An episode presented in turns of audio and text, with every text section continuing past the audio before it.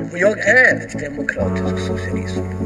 Med stolthet och med glädje. Kvar min grundtro på att det går att påverka samhället, det går att påverka utvecklingen. Medborgarnas krav kan tillgodoses endast av det starka samhället.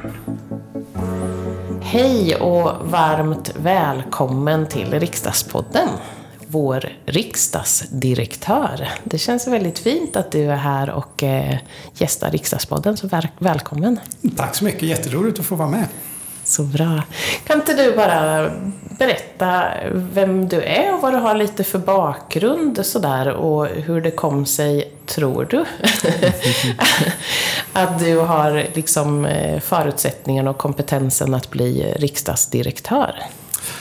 Jo, eh, jag har då varit riksdagsdirektör under den här mandatperioden. Och innan dess så var jag under en kort period riksdag, eller förlåt, eh, riksrevisor. Och innan dess generaldirektör på, på Statskontoret. Men mina flesta yrkesår har jag som riksdagstjänsteman. I eh, framförallt finansutskottet men även konstitutionsutskottet. Och innan dess gjorde jag ett kort tag också eh, akademisk karriär och jobbade som universitetslärare i Lund och Linköping. Det har jag förstått, för att jag har också läst i en bok som du har skrivit, eller hur? Som god grund för detta. Du har säkert kanske skrivit flera, men eh, du har producerat också litteratur om det här fältet, eller hur? Ja, det är riktigt. Jag började ju med att forska om parlament i riksdagen i Sverige, men också andra länders parlament. Mm. Vad spännande. Ja, jätteroligt. Det kan vi återkomma till, tänker jag, eller hur? Göra någon sån så här.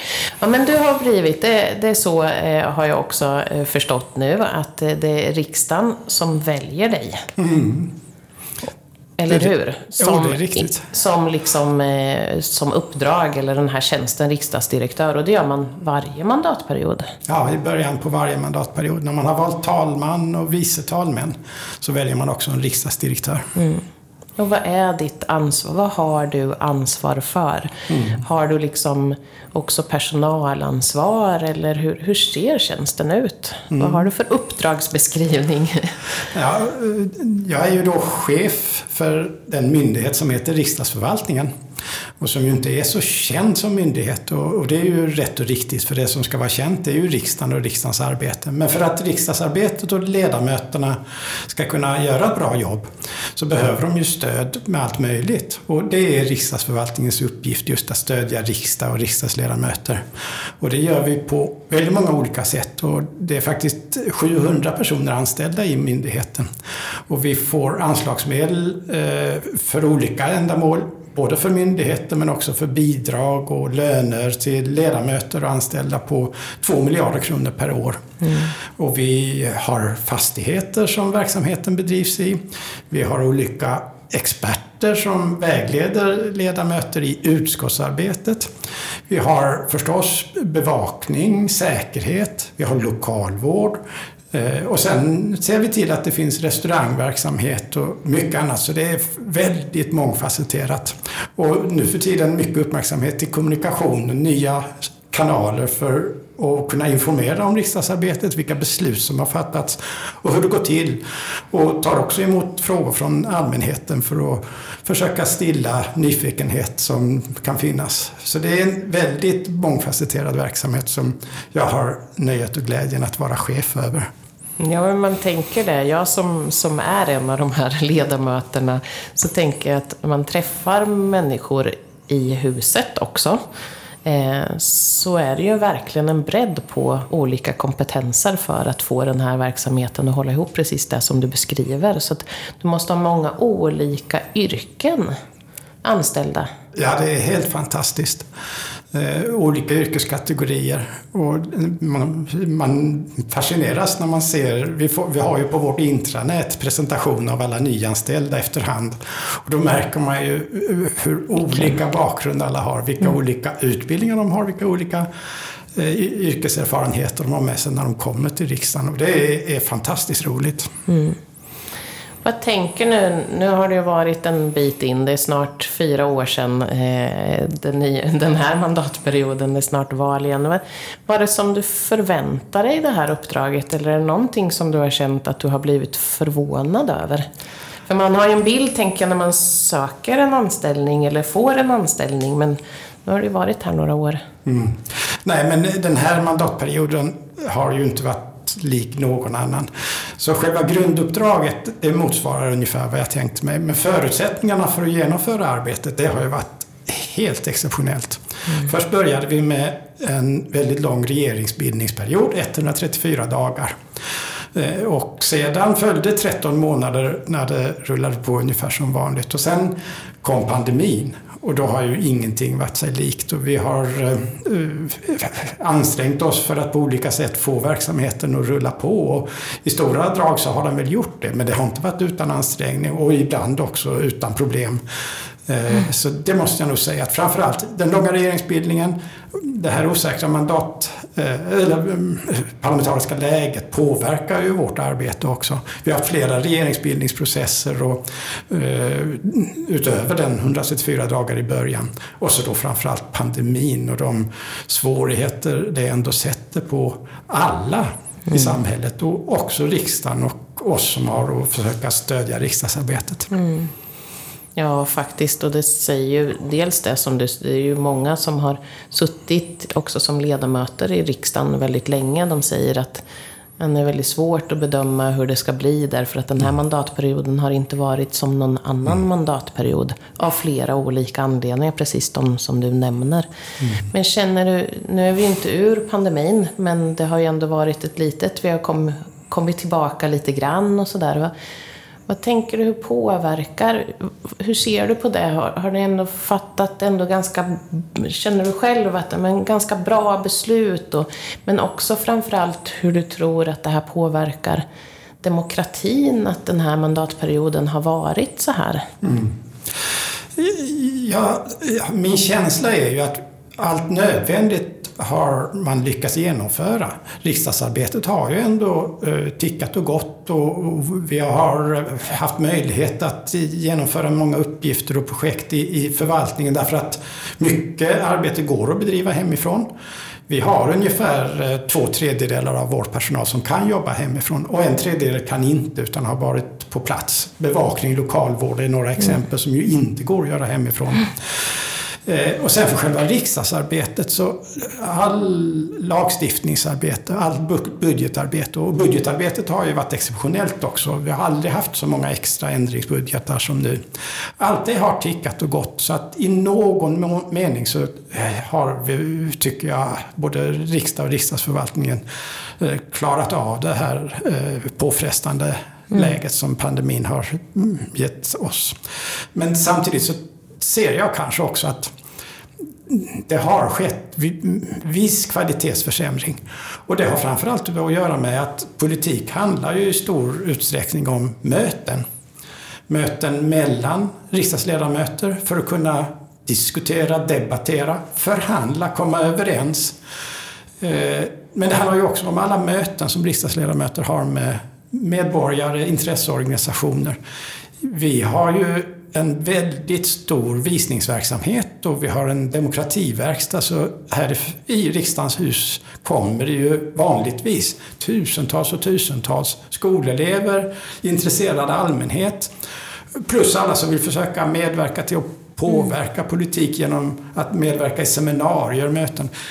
Hela den delen av riksdagsverksamheten och, och, vårt ansvar har ju i stort sett legat nere. Och det tror jag ger en liten kvalitetsbrist. Alltså inte brist i att lagar eller budgetar skulle vara sämre. För det, det, det tror jag ändå inte. Utan framförallt att de här diskussioner, möten mm har ju blivit så mycket, har tagit så stor skada på det här. Och i långa loppet tror jag det är en brist för demokratin. Ledamöter till exempel reser vanligtvis jättemycket och är ute på alla möjliga typer av möten. Också internationellt. Och mycket av det har, har i och för sig kunnat upprätthållas med hjälp av digitala möten. Men det finns något i, i det digitala mötet som ändå gör att vi saknar de fysiska mötena. Mm. Fram, inte för, för, att göra kanske något enkelt eh, möte när vi redan känner de andra som är med på, men när vi ska lära oss känna nya människor, när det behövs kreativitet, när vi ska förhandla om någonting svårt eller prata i, om det svåra samtalet. Allt sånt är så mycket svårare i det digitala. Mm. Så att både för riksdag och riksdagsförvaltning tror jag att vi, vi, vi kan ändå säga att vi klarar det där. Men kanske det är värt att fundera på om vi ändå förlorade någon kvalitet som är värd att vårda för framtiden nu när vi förhoppningsvis ändå ser slutet på pandemin och måste börja lära oss leva med eh, den här virusen och de omständigheter som det ger. Mm.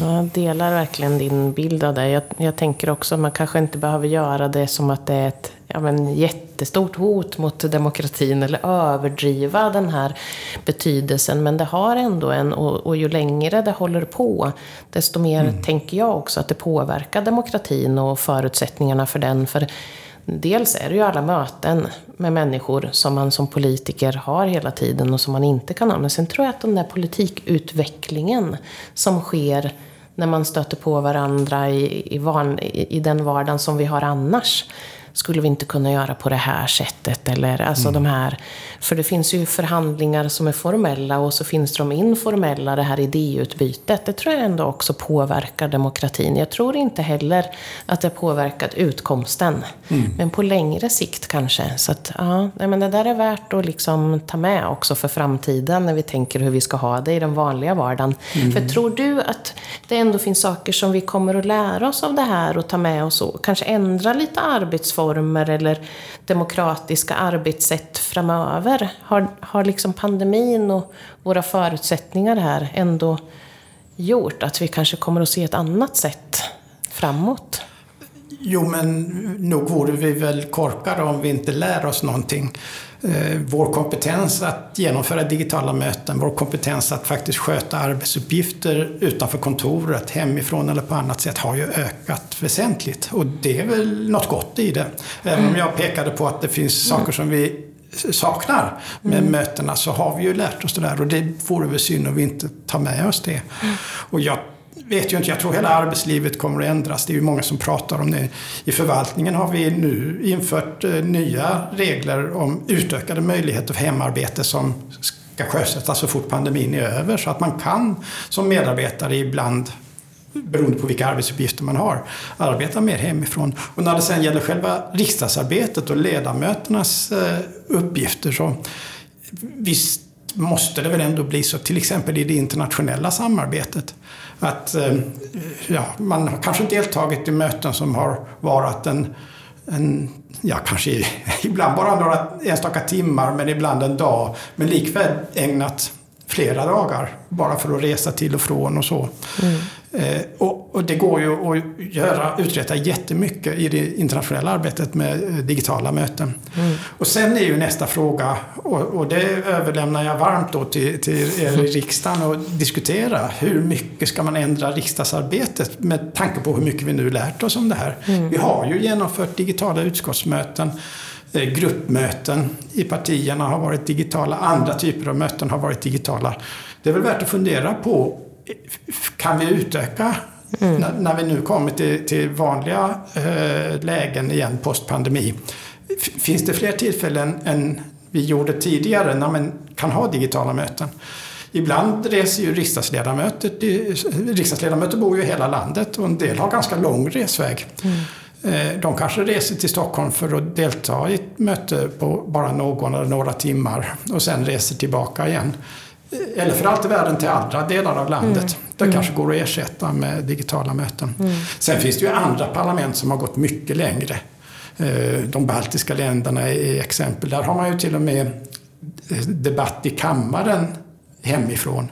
Mm. Man, man eh, sätter upp en skärm i i plenisalen och så kan en ledamot till exempel ställa en, eh, frågor till en minister som befinner sig i kammaren och så har man en debatt. Och några parlament har ju elektronisk omröstning från bostaden. Eh, Europaparlamentet har, har löst en del av sitt arbete på det sättet. Och det där eh, har ju sina för och nackdelar. Mm. Eh, en fördel är onekligen att eh, skulle en pandemi uppstå igen, eller, eller just det här med resandet för ganska få timmars arbete skulle kunna minska.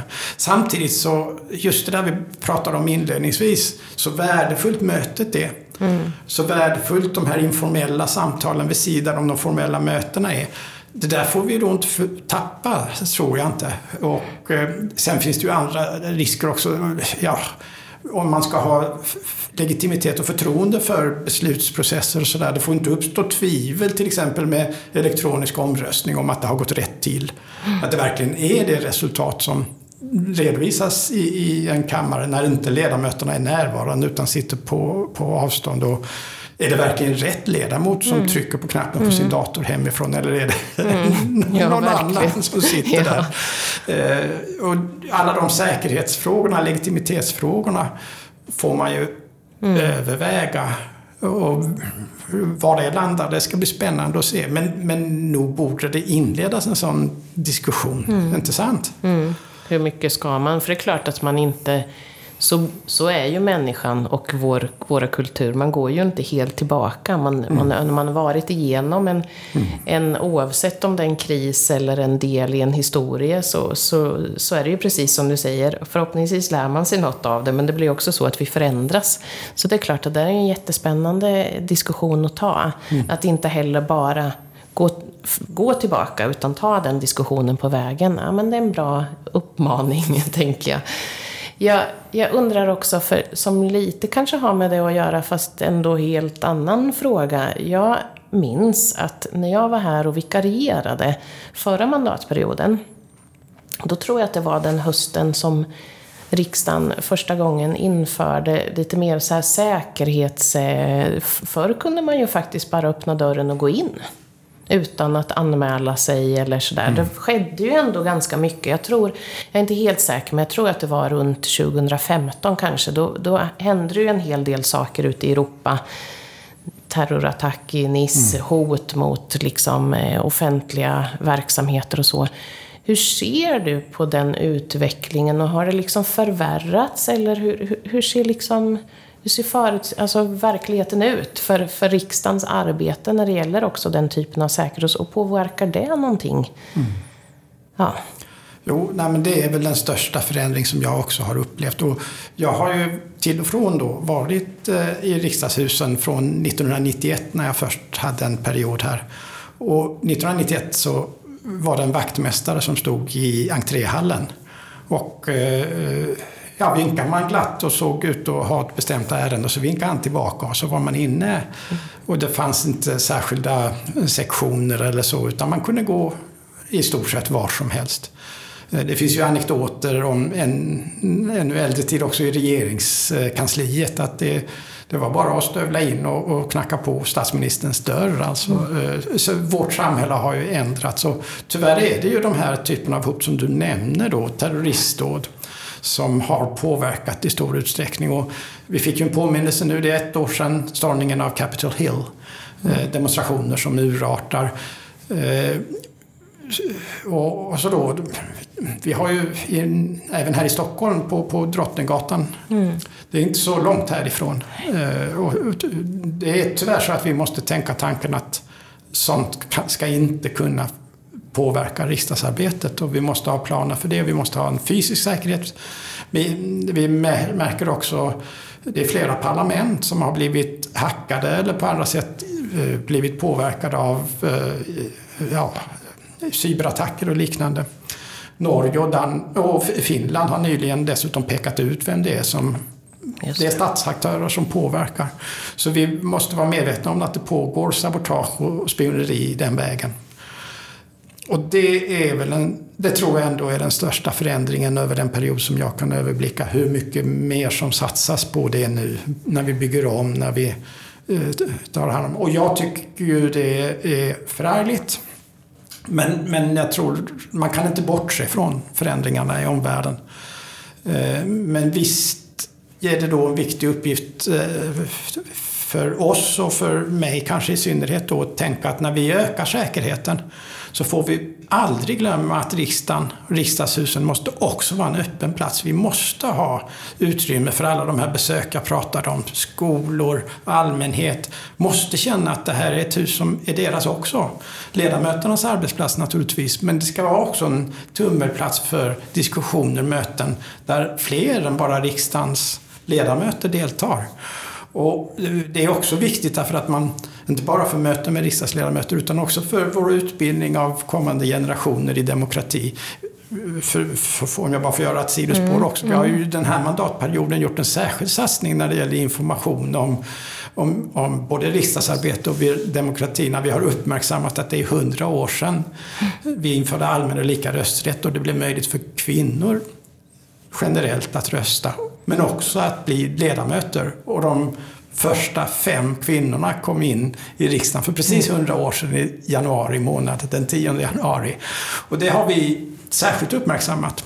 Och, och det har varit hemskt att många aktiviteter inte har kunnat mm. genomföras på grund av pandemin. Men, men, det är en annan sak. Men det här är bara för att illustrera hur viktigt det är att riksdagshusen känns som en öppen och inbjudande, välkomnande miljö. Och så ska det samtidigt kombineras med att vi måste vara medvetna om de här säkerhetshoten som tyvärr finns. Morden på Anna Lindh, mordet på mm. Olof Palme. Ehm, det är inte bara teoretiska hot utan de finns där. Mm. Och, och, ja, men, men det är ju, det får, våra säkerhetsinsatser måste därför vara effektiva men samtidigt kombineras med strävan mm. efter att bevara öppenheten. Mm. Det är inte så lätt alltid. Ibland blir det motsättningar. Man måste välja säkerhet eller öppenhet. Men jag tror ju också att om man jobbar smart, då kan vi vara både öppna. Vi kan fortsätta att ha den här eh, öppenheten i husen, men samtidigt känna oss säkra där. Därför att vi har haft inpasseringskontroller och annat som, som har kunnat flytta på. Mm. Men, men visst är det en utmaning, visst är det en förändring. Ja, men det är en ganska stor förändring. Jag tror att vi har ganska snabbt också vant oss vid att det är på mm. det här mm. sättet, att det är inpassering och, och sådär. Men jag tänker också att det kanske är just den där debatten och diskussionen, att man har med det hela tiden. Att man mm. liksom väger öppenheten mm. och tryggheten som det ju handlar om. Tryggheten för parlamentet och alla som är här. Men att hela tiden hålla den och försöka hitta medelvägen, även om den som sagt inte är alltid så lätt. Men att ha båda perspektiven, det tror jag är verkligen, eh, verkligen avgörande. När, när, man, när, jag, när människor ser dig så brukar de ju oftast om, se dig när du sitter bredvid talmannen, vid, när det är några stora, de större, eller hur? Du sitter inte mm. alltid där, utan när de så här, det är ju inte din alltid vardag. Det är inte så att du sitter framme vid, vid podiet i, i kammaren i riksdagshuset så ofta. Men hur ser, hur ser en vardag ut för en riksdagsdirektör? Och är det liksom talmannen som du oftast träffar? Eller är det liksom, hur, hur ser det ut? Jag har ju ett eh, ganska fast veckoschema.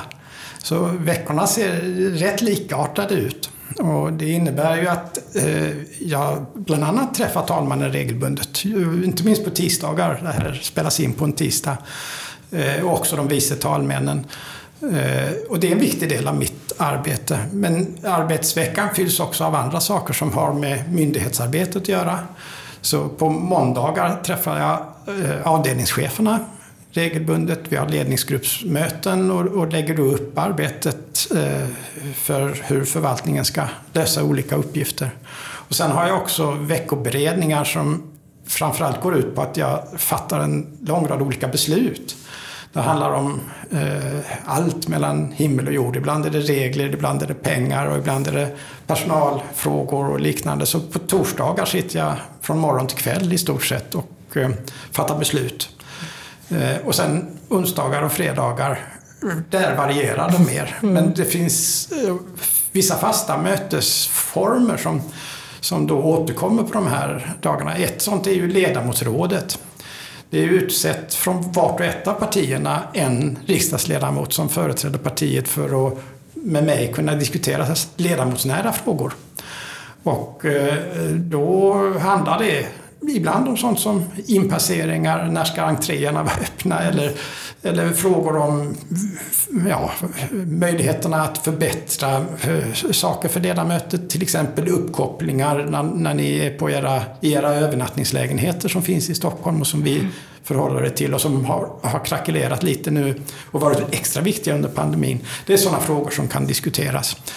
Eh, på onsdagar brukar det också vara gruppledamöten. Det är också var och en av grupperna som utser en gruppledare som ju på något sätt är själva ledaren i riksdagen för det parlamentariska arbetet. Var och en av partierna har ju sin partiledare men de är väldigt mycket externa ledare både mot media, allmänhet och mot sina partiorganisationer. Men i det interna riksdagsarbetet så har ju var och en av partigrupperna också en gruppledare. Som, och de träffas eh, var 14 dag på onsdagar under talmannens ledning. Det är ett sånt mötesforum som jag är med på. Så, eh, man kan väl säga att mitt arbete präglas i stor utsträckning av att sitta på möten. Mm.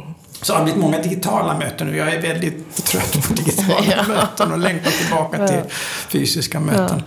Ja. Eh, sen försöker jag ju röra på mig och vara ute, både i organisationen och ibland utanför också. Och mm. möta människor. Men eh, ja, det var ett sätt att försöka beskriva hur mitt eh, arbete ser ut. När jag inte sitter bredvid talmannen in i kammaren. ja, precis. Som du inte gör varje dag. Nej, oh, nej. nej, men så är det ju också med riksdagens arbete. Det måste vara ganska fyrkantigt och lite sådär för att det ska funka. För att om vi inte hade fasta tider, att alla har alla partier har sina gruppmöten en viss tid varje vecka. Det är ju för att det ska funka när vi ska ha möten tillsammans och alltså allt sådär. Så det är ju väldigt mycket struktur. Men jag tänker också att det behövs ju, för att annars skulle vi inte få ihop de där mötena. Mm. Nej. Eh, så att det är liksom... Ja, vad, vad, tycker du är roligast med ditt? Eh, alltså, det som i grunden motiverar mig, det är ju att jag tycker att jag gör och har haft när jag jobbat för riksdagen också i andra befattningar en meningsfull syssla. Ja, eh, demokratin är väldigt värdefull i vårt statsskick och riksdagen är ju juvelen i vår konstitutionella ordning. Och därför tycker jag att det är närmast ett privilegium att få jobba för att riksdagen och riksdagens ledamöter ska kunna få goda förutsättningar. Och det bidrar ju då också till att man har känslan av att vara med där det händer. Men det finns väl inte någon nyhetssändning utan att det någon gång finns ett inslag av, av eh, riksdagsarbetet. Och då är det ändå roligt att veta att man bidrar till det och det är roligt att känna till omständigheterna kring alla de politiska frågor som diskuteras i de sammanhangen. Så meningsfullheten i själva uppdraget. Det andra som motiverar mig det är ju goda arbetskamrater, en bra arbetsmiljö. Alltså det här att eh, ändå känna trygghet, eh, känna att man blir respekterad, försöka bidra genom att respektera andra. Och arbetskamrater för mig, det är ju både riksdagsledamöter och eh, inte minst då anställda och chefer i, i riksdagsförvaltningen. Det är nog de två sakerna som jag tycker är viktigast. Men sen, sen tycker jag ju, ja, Eh, även andra inslag, vissa resor ibland, vissa internationella konferenser och mm, möjligheten också att möta världen. I vanliga fall när det inte är pandemi kommer det många hit. Det tycker jag också är spännande. Mm. Ja, det finns många drivkrafter. Men kanske främst då meningsfullt arbete med goda arbetskamrater. Finns mm. det något eh, bättre sätt att välja jobb på? ja.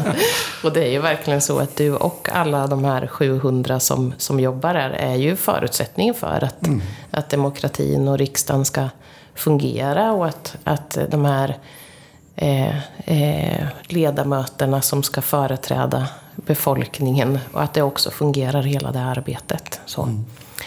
Nu är ju det här, nu, nu är det här en jättestor fråga så du får väl liksom välja. Men jag tänker det du började med att du hade eh, ja, men, stor kunskap om hur de olika parlamenten fungerar.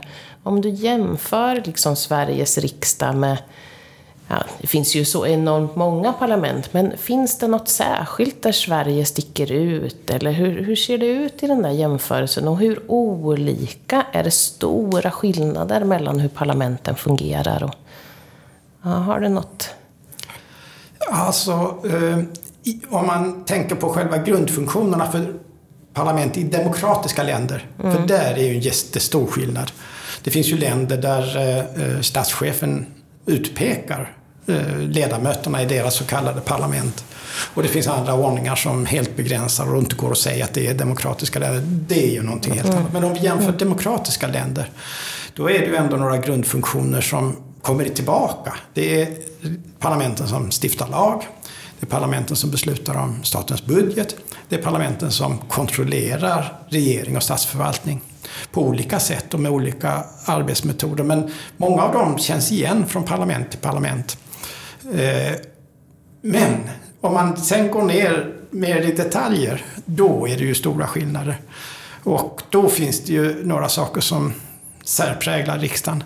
En är ju en väldigt hög aktivitetsnivå när det till exempel kommer till sånt som motioner, mm. frågor, interpellationer. Riksdagsledamöter är väldigt aktiva.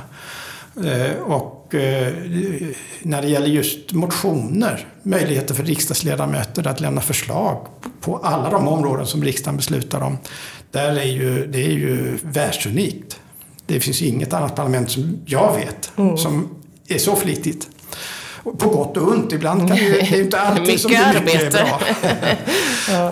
Och där finns det ju en konstitutionell sak som gör att eh, riksdagsledamöternas ställning är särskilt stark. Och det är ju att för det första krävs det bara en ledamot för att lämna en motion. Det finns inga krav om antal. Det finns det i andra parlament. För det andra är att när ett förslag har väckts så hänvisas det alltid till ett utskott. Ibland görs det inte, utan de dör direkt när de har väckts inne i kammaren. Mm. Mm. Och det ytterligare som tillkommer och stärker motionsinstitutet i Sverige, det är att utskotten måste lämna tillbaka det till kammaren för omröstning mm. efter beredning. I många andra länder så dör förslagen i utskotten. Det kallas committee killing mm. i, i, på, i engelsk terminologi. Ja, man ja. dödar förslag mm. i utskotten. Mm. De kommer aldrig upp till debatt mm. och beslut i kammaren igen. Men det gör man alla dessa eh, förslag som ledamöter väcker, både under allmän motionstid och under året som följdmotioner. Från ledamöter men också från partigrupperna som helhet. Mm. Eh, det särpräglar ju riksdagen. Det är väldigt tydligt. Och nu på senare tid har vi ju slått alla tidigare rekord. Motioner, interpellationer och frågor. Det är så? Det, ja, så är det. Ja, ja. Men får jag säga en annan sak som också är, tycker jag, lite intressant. Det är ju också hur riksdagen reagerade på pandemin. I, i samarbete mellan gruppledare och talmän har man ju gjort överenskommelser för att anpassa riksdagsarbetet. Man kan säga att vår konstitution har inte riktigt skrivits med tanke på att det kunde bli pandemi. Så det här att man ska hålla avstånd och liknande har ju det finns inte några förutsättningar om man bara läser regeringsform eller riksdagsordning. Så därför kom ju partierna överens om under en period att det bara var 55 som skulle komma in och rösta. Och nu gäller att det är 100 eh, alltså, som är borta och 249 som kommer till omröstningar. Och det där är ju ett sätt att försöka på ett pragmatiskt sätt klara både de krav som pandemin ställer på sig för att minska smittspridning och samtidigt upprätthålla eh, de funktioner som riksdagen ska göra och eh, ge legitimitet åt eh, de demokratiska beslut som riksdagen fattar. Eh, I många andra länder hade det varit fullständigt otänkbart. Så det finns ändå i svensk politisk kultur fortfarande en, en viss konsensusorientering. Och inte minst gäller det när det handlar om ska säga, spelreglerna för riksdagsarbetet. Och det är inte så att det är harmoni och lycka hela tiden. Partierna har olika intressen och det är inte alltid man kommer överens. Men det finns i jämförelse med andra skulle, länder, skulle jag ändå vilja säga, en, en grundorientering för en viss pragmatism och konsensus. Och att man ändå kan lita på varandra. Även om partierna ju har så extremt olika åsikter och vill så väldigt olika i sak. Om, tänker olika om hur samhället bör utvecklas och driver det som politik. Och samtidigt naturligtvis också kämpar om att få regeringsmakt och vinna väljare i nästa val. Det finns där hela tiden. Men det här att kunna falla tillbaka på en viss pragmatism och konsensus, det har jag sett att i andra länder är det helt otänkbart. Mm. Men det är möjligt, ibland i alla fall, i riksdagen. Det tycker jag också särpräglar riksdagsarbetet. Mm. Och det tror jag är bra också, om jag får lov att lägga en värdering i det där. Blandningen av kompromissvilja, konsensusorientering, men också konflikt. Det är inte bra heller om det bara är harmoni. Det är ju inte det som är syftet med vår demokrati. Det är ju att bryta åsiktsskillnader och bryta olika intressen. Verkligen, men det tänker inte jag alltid står emot varandra faktiskt. Man Nej. kan vara både oeniga om politikens innehåll och samtidigt vara eniga om förutsättningarna för politikens innehåll. Och jag tänker att det där behöver inte alltid, är min bild i alla fall, vara motsättningar utan Nej. förutsättningar ibland för att, att ha liksom det här både och.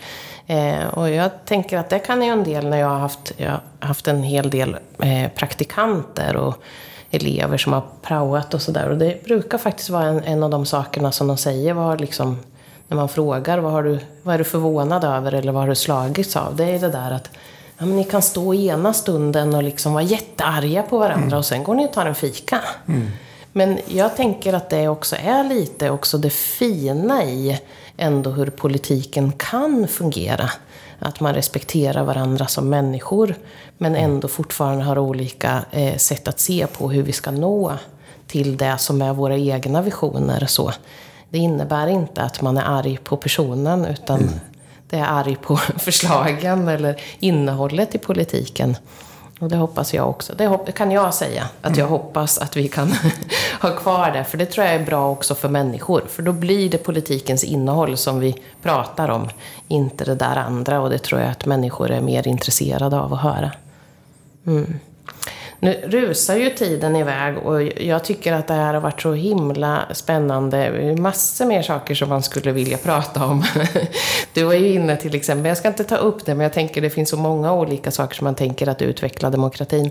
Men jag tror att vi måste avsluta här. Eh, kanske får återkomma, får vi ta en Riksdagspodden avsnitt två.